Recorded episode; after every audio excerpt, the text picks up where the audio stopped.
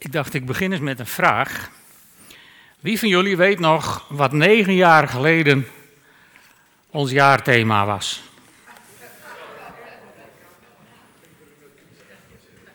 Hopelijk niemand, want dan moet ik een andere preek bedenken nu. Het seizoen 2013-2014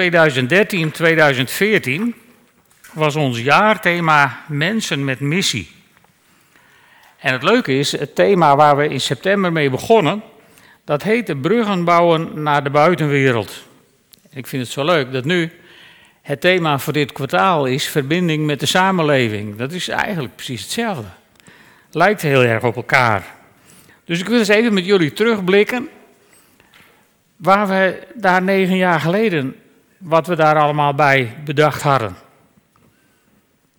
Het ging over mensen met missie. En de stelling was: van als je een discipel van God bent, dan heb je een missie, een opdracht in deze samenleving. En die missie die is overal in de Bijbel te vinden, van Genesis tot Openbaringen. En ik wil er een, een paar uithalen om even jullie geheugen op te frissen. De eerste missie die de mens krijgt opgedragen, daar heb ik uh, in februari over gesproken, die vind je in Genesis 1, vers 28. Als Adam en Eva in het paradijs zijn, dan krijgen ze van God de opdracht: wees vruchtbaar, word talrijk, bevolk de aarde en breng haar onder je gezag. Heers over de vissen van de zee, de vogels van de hemel en over alle dieren die op de aarde rondkruipen. En, en het mooie is, als je de, de message leest, dan staat daar voor heersen, be responsible. Daar heb ik toen over uitgeweid. Neem je verantwoordelijkheid voor de schepping. Onze eerste opdracht als mensen. En vervolgens sluit God aan in Genesis 12 een verbond met Abraham. En uh, ik lees twee versen uit Genesis 12, vers 2 en vers 3 uit de nieuwe Bijbelvertaling van, van dit jaar. Van, of van vorig jaar, van 21. Daar staat het zo. Dan zegt God tegen Abraham: Ik zal je een groot volk maken. Ik zal je zegenen, je naam veel aanzien geven. Een bron van zegen zul je zijn. Dat was geen voorspelling dat gaat gebeuren, dat was een opdracht om dat te zijn. En dan in het volgende vers: Ik zal zegenen wie jou zegenen, wie jou vervloekt, zal ik vervloeken. En dan komt hij: In jou, of door jou heen, zullen alle volken op de aarde gezegend worden.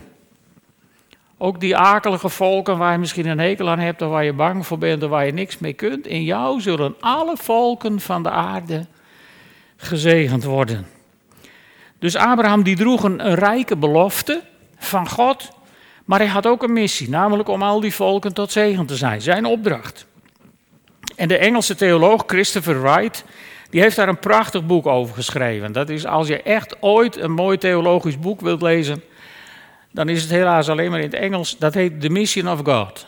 Waarin eigenlijk het uitgangspunt is, deze twee versen, de opdracht aan Abraham om een bron van zegen te zijn voor alle volken op deze wereld.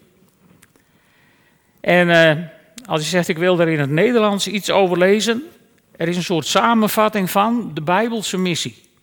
Een prachtig boek, te koop bij de Evangelische Boekwinkel, te leen bij mij eventueel, als dat je beter uitkomt. En daar staan prachtige opmerkingen in. Hij zegt onder andere hier: Het is niet zozeer dat God een opdracht heeft voor zijn kerk in de wereld, als wel dat God een kerk heeft om zijn opdracht in deze wereld te vervullen. Dus wij zijn niet zozeer degene die de opdracht heeft gekregen, wij zijn veel meer het middel waardoor God zijn missie in deze wereld wil volbrengen. En hij zegt: De opdracht is er niet voor de kerk, de kerk is er voor de opdracht die opdracht van God. En, en, en nou, dan schrijft hij daar hele mooie dingen over. Hij zegt, Gods missie, zo kunnen we uit de Bijbel opmaken, omvat de hele schepping. Niet alleen maar de mensen, niet alleen maar de kerk, niet alleen maar de mensen die we leuk vinden, maar de hele schepping. Elk onderdeel, elk element van de schepping. En, en, en hij zegt ook, een ander even kwalijk vals dualisme is dat tussen zogenaamde geestelijke en wereldlijke dingen. We kunnen zo gemakkelijk in de kerk ons focussen op, op het geestelijke, op het woord van God, op de samenkomst, op, op onze dingen. Maar de wereld is groter dan onze dingen.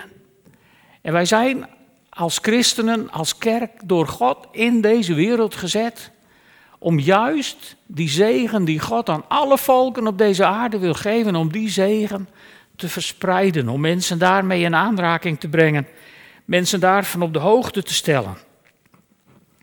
Dus wij hebben de missie om een bron van zegen te zijn voor alle volken. En uh, daar staan een aantal prachtige voorbeelden van in de Bijbel.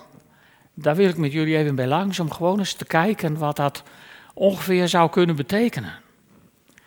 Laten we beginnen bij Jezus. Jezus die geeft zijn discipelen de opdracht om alle volken eigenlijk tot een ultieme zegen te zijn, namelijk door ze het evangelie te verkondigen, ze te dopen en ze tot discipelen te maken. Dat is de grootste zegen die je aan, aan de wereld om je heen kunt bezorgen. Vertel ze over Jezus, maak ze tot discipelen. Bovendien, als ze dan discipelen zijn, dan zijn ze je medestrijders en ben je met meer mensen om Gods missie op deze wereld gestalte te laten krijgen. En, en, en de werkvolgorde, hoe dat werkt, die vind je eigenlijk in, in Handelingen 1 vers 8. Daar hebben we met de Pinkster bij stilgestaan. Wanneer de Heilige Geest over jullie komt, zullen jullie kracht ontvangen en van mij getuigen in Jeruzalem. Je mag dicht bij huis beginnen te oefenen. En dan in Samaria, zeg maar, de buren. En daarna tot de uiteinden van de aarde. Prachtig, dus dat is de bedoeling. En, en, en samengevat is onze missie dan de schepping op een verantwoorde wijze beheren, de volken om ons heen tot zegen te zijn en de blijde boodschap doorvertellen. Dus het begint niet met praten, daar eindigt het.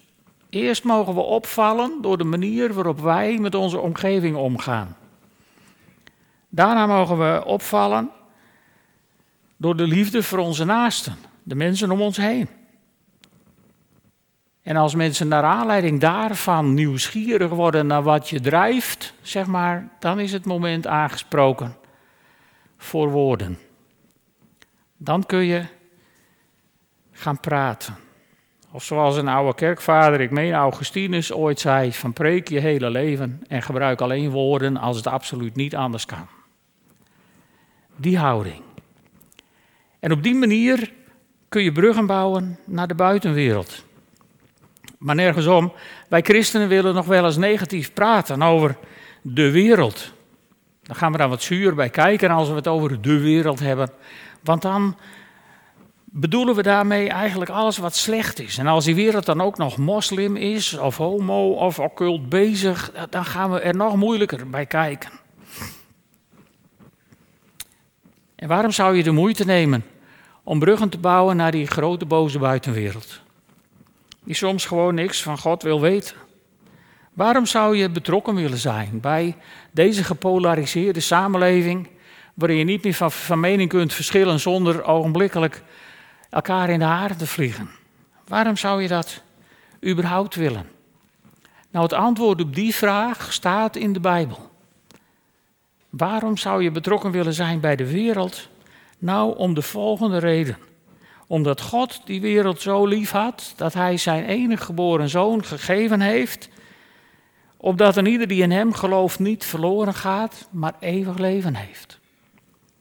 En God heeft zijn zoon niet naar die wereld gestuurd om een oordeel over haar te vellen, maar om de wereld door hem te redden. Daarom moeten wij bruggen bouwen naar de buitenwereld. Daarom moeten wij als christenen betrokken zijn bij de samenleving. Want het is juist voor die samenleving dat Jezus naar deze wereld kwam om zijn leven te geven. Dat herdenken we straks in het avondmaal. Maar realiseer je dan, als je het brood tot je neemt, als je van de wijn drinkt, en ik wil je daar van harte voor uitnodigen, als je een ontmoeting met Jezus wilt, dan is dit je kans. Maar realiseer je dan dat Hij dat niet alleen deed voor jou. Hij deed dat voor die grote boze buitenwereld die hier niet zit en waarvan je misschien denkt van nou, ver van weg blijven. Nee, juist daarvoor kwam hij naar deze wereld. En wij zijn het instrument in Gods hand om die wereld iets te laten zien van Gods bewogenheid voor deze aarde en alles wat daarop leeft.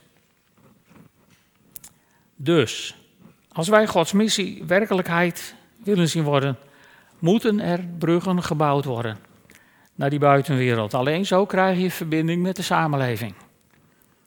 En aan de andere kant, die verbinding is er al lang. Want je buren wonen al lang naast je. Je collega's die werken al lang met jou samen. Je klasgenoten zitten al lang bij jou in de klas. En de mensen die je misschien straks op weg naar huis tegenkomt, die zijn al lang op deze planeet. Die verbinding met deze samenleving, die is er gewoon. Of je dat nou wilt of niet, maar je woont en werkt midden in deze samenleving. En die samenleving, ja, die heeft Jezus nodig, zeggen we dan wel heel makkelijk. Maar die samenleving die loopt niet de hele dag om van, och, wat heb ik Jezus toch nodig, och, wat heb ik Jezus toch nodig. Er zijn juist heel veel mensen die zijn er tegenwoordig in onze samenleving diep van overtuigd dat je het zonder Jezus prima kunt. En sommigen hebben helaas verdrietig genoeg herinneringen aan de kerk, waardoor ze van mening zijn dat ze het zonder Jezus misschien wel veel beter zouden kunnen. Die samenleving, die heeft jou nodig. Maar hoe doe je dat dan? Nou, er zijn een aantal voorbeelden in de Bijbel. Laten we eens beginnen in Johannes 4. Een heel bekend verhaal ik ga het niet helemaal voorlezen, Harm Renken, maar gaat daar volgende week over spreken. Dus ik wil niet al het gras voor zijn voeten wegmaaien. Maar dat is het verhaal van de Samaritaanse vrouw. Je kent dat verhaal wel. Er zit een vrouw bij een put. Op het heetst van de dag, dan hoor je daar niet te zitten. Dan hoor je onder een palmboom in een hangmat te liggen. Maar zij zit daar omdat ze is uitgekotst door de samenleving. En, en misschien ook wel een beetje, heeft het wel een beetje naar gemaakt. Hè? Ik bedoel, haar levensgeschiedenis wordt in de Bijbel heel, heel, heel sumier een beetje beschreven. Maar ja, het is zo'n type waarvan je denkt van, nou ja, laat die daar maar mooi zitten in die zon. Ik kruip in mijn hangmaatje onder mijn palm. Want dit is een deel van de samenleving, daar wil ik niks mee te maken hebben. En dan komt Jezus langs en, en die ziet die vrouw zitten. En Jezus loopt niet met een boog om haar heen. Zoals alle andere mensen wel deden. Maar hij komt even bij haar zitten. Dat moet voor die vrouw heel ongemakkelijk zijn geweest. Als je gewend bent in je leven, namelijk om uitgestoten te worden, om weggezet te worden, is het heel ongemakkelijk als er ineens iemand naast je komt zitten. En als dat dan voor een Samaritaan ook nog een Jood is, en voor een vrouw ook nog een man, dan wordt het allemaal heel ingewikkeld. Wij leven ongeveer in zo'n soort tijd. Hè? Als je bij die samenleving die, die, die heeft besloten om met, met God niks meer te maken willen hebben en helemaal klaar is met de kerk, als er dan zo'n kerktype naast je komt zitten. En in deze tijd van, van, van, van ongewenste intimiteit en ook nog een man die naast een vrouw komt zitten, dan moet je de centimeter er bijna bij hebben om genoeg afstand te creëren. Het is niet zo gemakkelijk, maar dat was het toen ook niet en Jezus deed het toch. Die ging met haar in gesprek. Hij negeerde haar niet. En hij liet door een woord van kennis duidelijk merken dat hij precies wist wat voor type ze was. In wat voor situatie ze zat. Ook daar draaide hij niet omheen. Maar het mooie vind ik, je leest in dat verhaal geen enkel negatief woord van Jezus over haar Samaritaanse religie. Geen enkel negatief woord over haar levensstijl. Geen enkel negatief woord. En dan gebeurt er een wonder, maar dat is voor Harm volgende week. Een ander heel mooi voorbeeld is Paulus. Paulus komt in Athene, die wandelt door Athene en die ziet daar overal afgoden en overal tempels. En uiteindelijk vindt hij ook nog een, een, of ander tempeltje voor de, voor de onbekende God. Zo van, nou vergeten we tenminste niemand. En, Paulus, die, Paulus is, is woedend. Paulus wordt ontzettend boos als hij door Athene loopt. Alleen het mooie is, Paulus wordt niet, Paulus wordt niet boos op de mensen, maar op de demonische machten die daarachter zitten. En diezelfde demonische machten die er toen achter zaten, die zijn ook in deze maatschappij bezig om, om via allerhande media en, en, en bewegingen onze kinderen te verleiden, maar ook volwassenen te verleiden om naar dingen te kijken waar je niet naar zou moeten kijken, om, om mee te doen aan, aan, aan gokspellen waar je niet aan mee zou moeten doen als het verstandig zou zijn, om producten te gebruiken die je beter niet zou kunnen gebruiken als je gezond wilt blijven. Dus, dus wij leven in net zo'n tijd als toen. En, en, en onlangs is er een, een heel groot onderzoek gepubliceerd van het Sociaal Cultureel Planbureau over religie in een pluriforme samenleving. Zo heet dat, drie grote onderzoeken, drie dikke boeken over verschenen. Maar ontzettend interessant om te lezen waar de mensen in deze maatschappij vandaag mee bezig zijn. Precies met dezelfde dingen als de mensen in Athene. En, en, en de Duitse filosoof Jürgen Habermas die spreekt zelfs over de postseculiere tijd. Hij zegt de kerken zijn nog bezig met secularisatie, van wat gaan we daaraan doen. Maar die tijd is al lang voorbij. Want de kinderen van de geseculeerde mensen, die, die, die zijn weer op zoek naar beleving, naar zin, zingeving noemen we het tegenwoordig op heel veel vakgebieden. Maar mensen zijn gewoon op zoek weer naar, naar zeg maar, bevrediging van dat spirituele stuk wat in ons is ingeschapen als mens.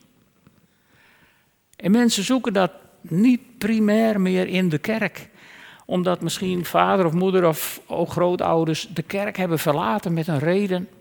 En daarom, wij staan vaak onderaan het lijstje. Dat zullen we ons moeten realiseren dat dat zo is. Maar je moet je aan de andere kant ook realiseren, er zijn veel mensen die op zoek zijn naar, ja, dat weten ze zelf eigenlijk niet. Een andere auteur die daarover schreef, die zei: Mensen die de kerk hebben verlaten, die geloven niet in niks. Nee, die geloven alles. En die laten zich, elke occulte spirituele route, laten ze zich aanleunen. En jammer genoeg staat de kerk op die spirituele markt, zeg maar, te ver naar achteren. Want dat is de grote boze buitenwereld. Maar als wij een brug bouwen naar die buitenwereld, naar die mensen, dan, dan ja, ik, ik ben ervan overtuigd, dan liggen er kansen voor de kerk. Dominee Vreugdenhil heeft, heeft er ook een heel mooi boek over geschreven en die schrijft op een gegeven moment, de bomen zitten vol Zacchaeusen. En toen ik dat las, toen dacht ik, moeten wij dan net als Jezus onderaan zo'n boom gaan staan en zeggen, hé Zacchaeus, kom eens naar beneden. En toen dacht ik, misschien moeten wij, om, om verbinding te hebben met de samenleving, misschien moeten we gewoon eens in een boom klimmen en even naast zo'n Zacchaeus gaan zitten. Even samen op zo'n tak van wat doe je hier eigenlijk en hoe vind je het hier? En ik heb ook nog een alternatief voor je in aanbieding. Zo, weet je, zo'n soort gesprek. Maar doen wij dat? Benaderen wij de mensen om ons heen zo gemakkelijk. En daarin is Paulus zo'n groot voorbeeld voor ons, want als hij dan de kans krijgt om te spreken voor de Atheners, dan begint hij niet met allemaal kritiek op hun religie. Hij neemt het woord occult niet in de mond, hij neemt het woord valse religie niet in de mond, hij heeft het zelfs niet over afgoderij. Nee, hij zegt, ik heb gezien dat jullie buitengewoon godsdienstig zijn. En dat is exact die multi-spirituele tijd van vandaag. Exact hetzelfde. Ik zie dat jullie buitengewoon godsdienstig zijn. En ik heb zelf, zegt hij dan, ik heb zelfs een tempel gevonden voor de onbekende God. En weet je, en over die onbekende God, daar kan ik je meer over vertellen. En ineens zijn die Atheners wild nieuwsgierig. Hoezo? Wat? Die grote boze buitenwereld heeft Jezus nodig. In plaats van een oordeel. Iemand die gewoon even naast zo'n Zacchaeus in de boom komt zitten. En het samen op zo'n tak er eens even over heeft. En daarvoor hoef je niet ver van huis. Misschien loop je morgen wel op met een collega. En komt zo ineens het gesprek er even op. Weet je, wat heb jij gisteren gedaan? Nou, ik ben uh, zoveel liter bier gedronken, of zoveel dit, of ik heb zoveel dat. Oh, wat leuk, goh. Heb je plezier van gehad? Ik ben naar de kerk geweest, was ook zo leuk, zo'n mooie preek. Nou, misschien ook wel niet, maar. Jij hebt ook wat gedaan, hè, vandaag. Dat kun je morgen ook even inbrengen in de kantine. Zo even zo'n gesprek. Of durf je dat niet? Voordat je het weet, heb je misschien zomaar een gesprek met zo'n Zacchaeus op een tak van zijn boom. In plaats van in jouw boom. Paulus, een prachtig voorbeeld. Bestudeer het maar eens in de Handelingen 17. En dan heb ik nog zo'n mooi voorbeeld. Tot slot. In het Oude Testament. In Daniel 3. Ook een heel bekend verhaal. Ik heb zomaar even drie hele bekende verhalen eruit gepikt. Een heel bekend verhaal van, van Daniel en Sadra, Mezach en Abednego. Die moesten buigen voor het beeld van koning Nebukadnezar. Je kent het verhaal vast wel, met die grote brandende vuuroven. En dan, dan buigen die mannen niet voor dat beeld. En dan moeten ze uiteindelijk worden ze voor de koning gesleept. En de koning zegt: Waarom buigen jullie niet voor mijn beeld? Ik geef jullie nog één kans. En het mooie vind ik, ook deze mannen, die schelden niet op de religie van koning Nebukadnezar. Ze noemen geen negatief woord over dat beeld of over wat er gebeurt. Ze zeggen er geen verkeerd woord over. Ze zeggen alleen, koning, u moet één ding weten. Wij dienen een andere God en wij buigen niet voor uw beeld. Dat is het enige wat ze zeggen. Dat heeft ook nog wat consequenties, maar dat is een ander verhaal. Het gaat mij er even om hoe ze reageren. Geen verkeerd woord. Vol respect. Alleen het is niet mijn religie.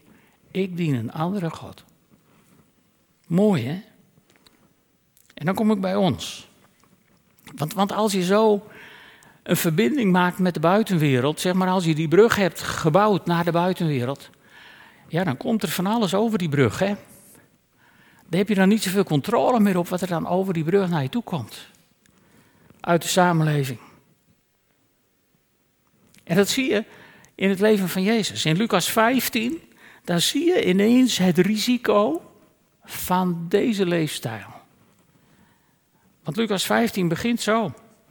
Alle tollenaars en zondaars kwamen hem opzoeken om naar hem te luisteren. Die kwamen allemaal over die bruggen die we gebouwd hebben naar de grote boze buitenwereld. Net de mensen die we niet willen. Toch? Alle zondaars en tollenaars kwamen hem opzoeken. Ja, in de kerk had het daar wat moeilijk mee, want de fariseeën en de schriftgeleerden zeiden morgen tegen elkaar, die man ontvangt zondaars en die eet met hen. We hebben een beetje hetzelfde gedaan voor mijn gevoel met het avondmaal door, door de lat soms zo hoog te leggen dat alleen de allerheiligsten mee kunnen doen aan het avondmaal. En dat heeft in sommige kerken geleid tot avondmaalsmijding. Hè. Er zijn kerken in ieder geval geweest en misschien ook wel waar, waar de meeste mensen niet aan het avondmaal gaan. Er zijn zelfs kerken waar het avondmaal apart na de dienst in, in een achterzaaltje wordt bediend voor die twee of drie mensen die denken dat ze het vandaag waard zijn. Als jij hier vandaag zit, ook als ik je niet ken, als jij denkt van maar die Jezus die, die, die zo zich naar mij uitstrekt, die wil ik wel leren kennen, dan ben je wat mij betreft welkom. Wij leggen de lat niet zo hoog Eigenlijk leggen we helemaal geen lat als het even kan. Maar je mag gewoon komen. En maaltijd houden met Jezus. Want dat was het eerste wat Jezus altijd deed met zondaren. Daar begon hij. En daarna kwam het gesprek. En in Lucas 15 komen daarna die drie prachtige gelijkenissen. Hè? Die gelijkenis over de herder die 99 schapen alleen laat om, om er één te zoeken.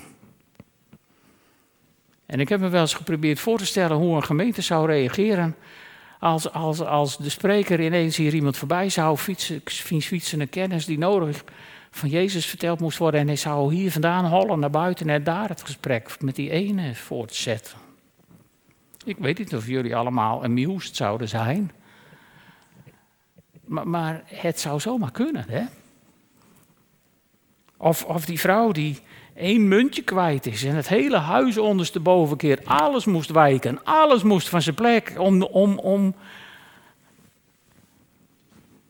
een drachme, ik weet niet precies hoeveel het was, maar het was niet zoveel. Het was iets waarvan wij tegenwoordig zouden zeggen, nou ja, dat ligt daar best. Zouden wij ruimte willen maken voor zo'n soort zoektocht? Of dat verhaal van die vader die alsmaar wachtte op zijn zoon. Die zoon, dat was echt de grote boze buitenwereld. Die had echt alles gedaan wat God verboden had. Toen hij terugkwam en toen vierde de vader een feestje en de kerk stond boos buiten. De oudste zoon, als beeld van de kerk, was het er niet mee eens. Dit was net te veel genade. En zo staat de oudste zoon boos buiten. Staan wij als kerk boos buiten als God straks een opwekking initieert en, en mensen uit die grote boze buitenwereld ineens tot bekering komen met al hun reputaties die ze hebben? Zouden, we, zouden wij als open thuis het kunnen verdragen als ons dat zou overkomen? Zouden we het willen verdragen? Dat is een vraag die mij, sinds ik hiermee bezig ben, bezighoudt. Zou ik het willen? Zou ik het aandurven? Zou ik de kritische blik van, van collega-voorgangers en predikanten in Drachten kunnen willen verdragen? Omdat we mensen binnenhalen die in de meeste kerken misschien niet welkom zijn.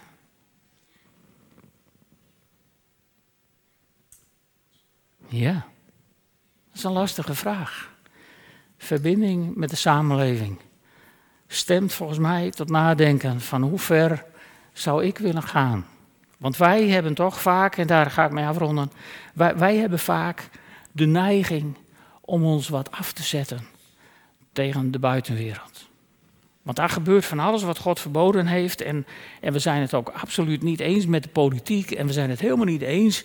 En, en misschien ben je het wel helemaal niet eens met de gemeenteraad van Smallingenland. En met het beleid van deze gemeente. Dat kan en dat mag. Maar dan zegt God tegen je: bid voor de stad waar, je, waar je woont, waar je terecht bent gekomen. En zet je in voor haar bloei, want de bloei van de stad is ook jullie bloei. God zegt niet, hier zet je in voor de bloei van de kerk. God zegt niet van, van bid vooral voor je eigen gemeenteleden. God zegt bid voor de stad waar je woont en zet je in voor het algemeen belang van de stad waar je woont. Want de bloei van de stad waar je woont is jouw bloei. Wauw. Dat gaat verder dan, dan je terugtrekken uit de maatschappij. Dat gaat veel dieper dan, dan afstand nemen van. Maar weet je, Jezus heeft gezegd dat wij niet van deze wereld zijn. Maar hij heeft daar niet mee bedoeld dat we van de wereld zouden moeten zijn.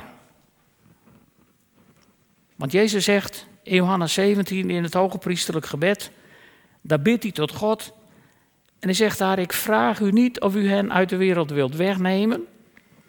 Soms zou je dat misschien wel willen, als je denkt, dan wordt het wel heel ingewikkeld. Ik hoop dat de Heer spoedig terugkomt. Maar Jezus zegt, ik bid niet of u ze van de wereld wilt wegnemen, maar of u hen wilt beschermen tegen de duivel. Ze, en het gaat over ons, het gaat over, over zijn volgelingen, ze horen niet bij de wereld, zoals ik niet bij de wereld hoor. Heilig hen dan door de waarheid. Uw woord is de waarheid. Maar let nou eens op, ze horen niet bij de wereld, maar ik zend hen naar de wereld zoals u mij naar de wereld gestuurd hebt. En Jezus kwam niet naar deze wereld om een hele belangrijke positie te hebben. Hij kwam niet naar deze wereld om burgemeester te worden van Smallingenland of raadslid of wethouder. Hij kwam naar deze wereld om zijn leven ervoor in te zetten. Daarvoor stuurt hij jou en mij ook naar deze wereld verbinding met de maatschappij kan je alles kosten. Het is niet vrijblijvend. Maar je hoeft het ook niet in je eentje te doen. Want de geest van God woont in jou. Toch? En anders is na de tijd de oudste van dienst aansprakelijk, heb ik begrepen, om voor je te bidden. Zodat het wel zo is. De geest van God woont in jou. En anders verlangt hij ernaar om voordat je hier de deur uitgaat, in jou te komen wonen. En, en, om je te bemoedigen, gaan we het feest vieren wat Jezus instelde. op de avond waarop hij verraden werd. Want nadat hij dat gebed gebeden had, waarin hij zei: Ik bid niet of je ze uit de wereld wilt wegnemen, maar ik stuur ze juist naar deze wereld. Daarna stelde Jezus het avondmaal in. En daarna zat hij met zijn discipelen aan tafel. En dat was niet het volmaakte gezelschap. Daar zat zijn verrader tussen, daar zat zijn verloochenaar tussen, daar zat Thomas tussen, die zei eerst zien en dan geloven. Ze zaten daar allemaal tussen. En ze mochten allemaal meedoen. En voor al die mensen zei Jezus op een gegeven moment: Dit is mijn lichaam, wat voor jou gegeven wordt. En hij brak het brood om te laten zien dat zijn lichaam gebroken zou worden, dat zijn leven van hem afgenomen zou worden. En hij deelde dat met zijn discipelen om duidelijk te maken: ik doe dat voor jou. En ik doe dat voor jou. Opdat je kracht ontvangt om in deze wereld te gaan doen waarvoor ik jou in deze wereld heb gezet. En daarna nam hij na de maaltijd de beker. En toen sprak hij die prachtige woorden. Deze beker is het bloed van het nieuwe verbond. Wat ik met jou wil sluiten. Dus met andere woorden, lieve mensen, als je denkt van mijn verbinding met de buitenwereld, dat is wel heel spannend en heel ingewikkeld, dan wil ik je één ding zeggen. Je doet het niet alleen.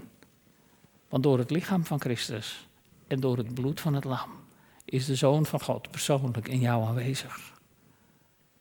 Dus wat let je? Om te delen. Vanmiddag, morgen, hele komende week. Met de mensen om je heen. God is voor je, dus wie zal er tegen je zijn? Zullen we samen bidden? Heere God, u stuurt ons naar deze wereld. En tegelijk maakt u ons los van deze wereld, zodat we niet bang hoeven te zijn. Heer, want uw bescherming is rondom ons. Uw machtige geest is in ons. En als we zo meteen avondmaal vieren, dan mogen we ons realiseren dat er kracht is in het bloed van het lam. Heer, dus u, u hebt alles gedaan om het voor ons zo gemakkelijk mogelijk te maken. En ik bid u nu, Heere God, geef ons de bewogenheid voor de samenleving die u had toen u naar deze wereld kwam. Bereid om ervoor te sterven. Heere, dat is voor ons nog zo ver weg. Maar maak ons moedige christenen, die er durven te zijn. Vooral die Zacchaeus en die in een boom zitten in de hoop iets van Jezus te zien. Heere God, maak helden van ons, die ervoor durven uit te komen dat we bij Jezus horen. En laat dan uw Heilige Geest ons de woorden geven die we mogen delen met mensen. Woorden van eeuwig leven. Heer, het is uw missie voor deze wereld. En u hebt uw kerk uitgezocht om die missie te vervullen. En ik bid, geef ons allemaal die hartsgesteldheid, dat we durven te zeggen, hier zijn we, Heer. Beschikbaar voor u, halleluja. Amen.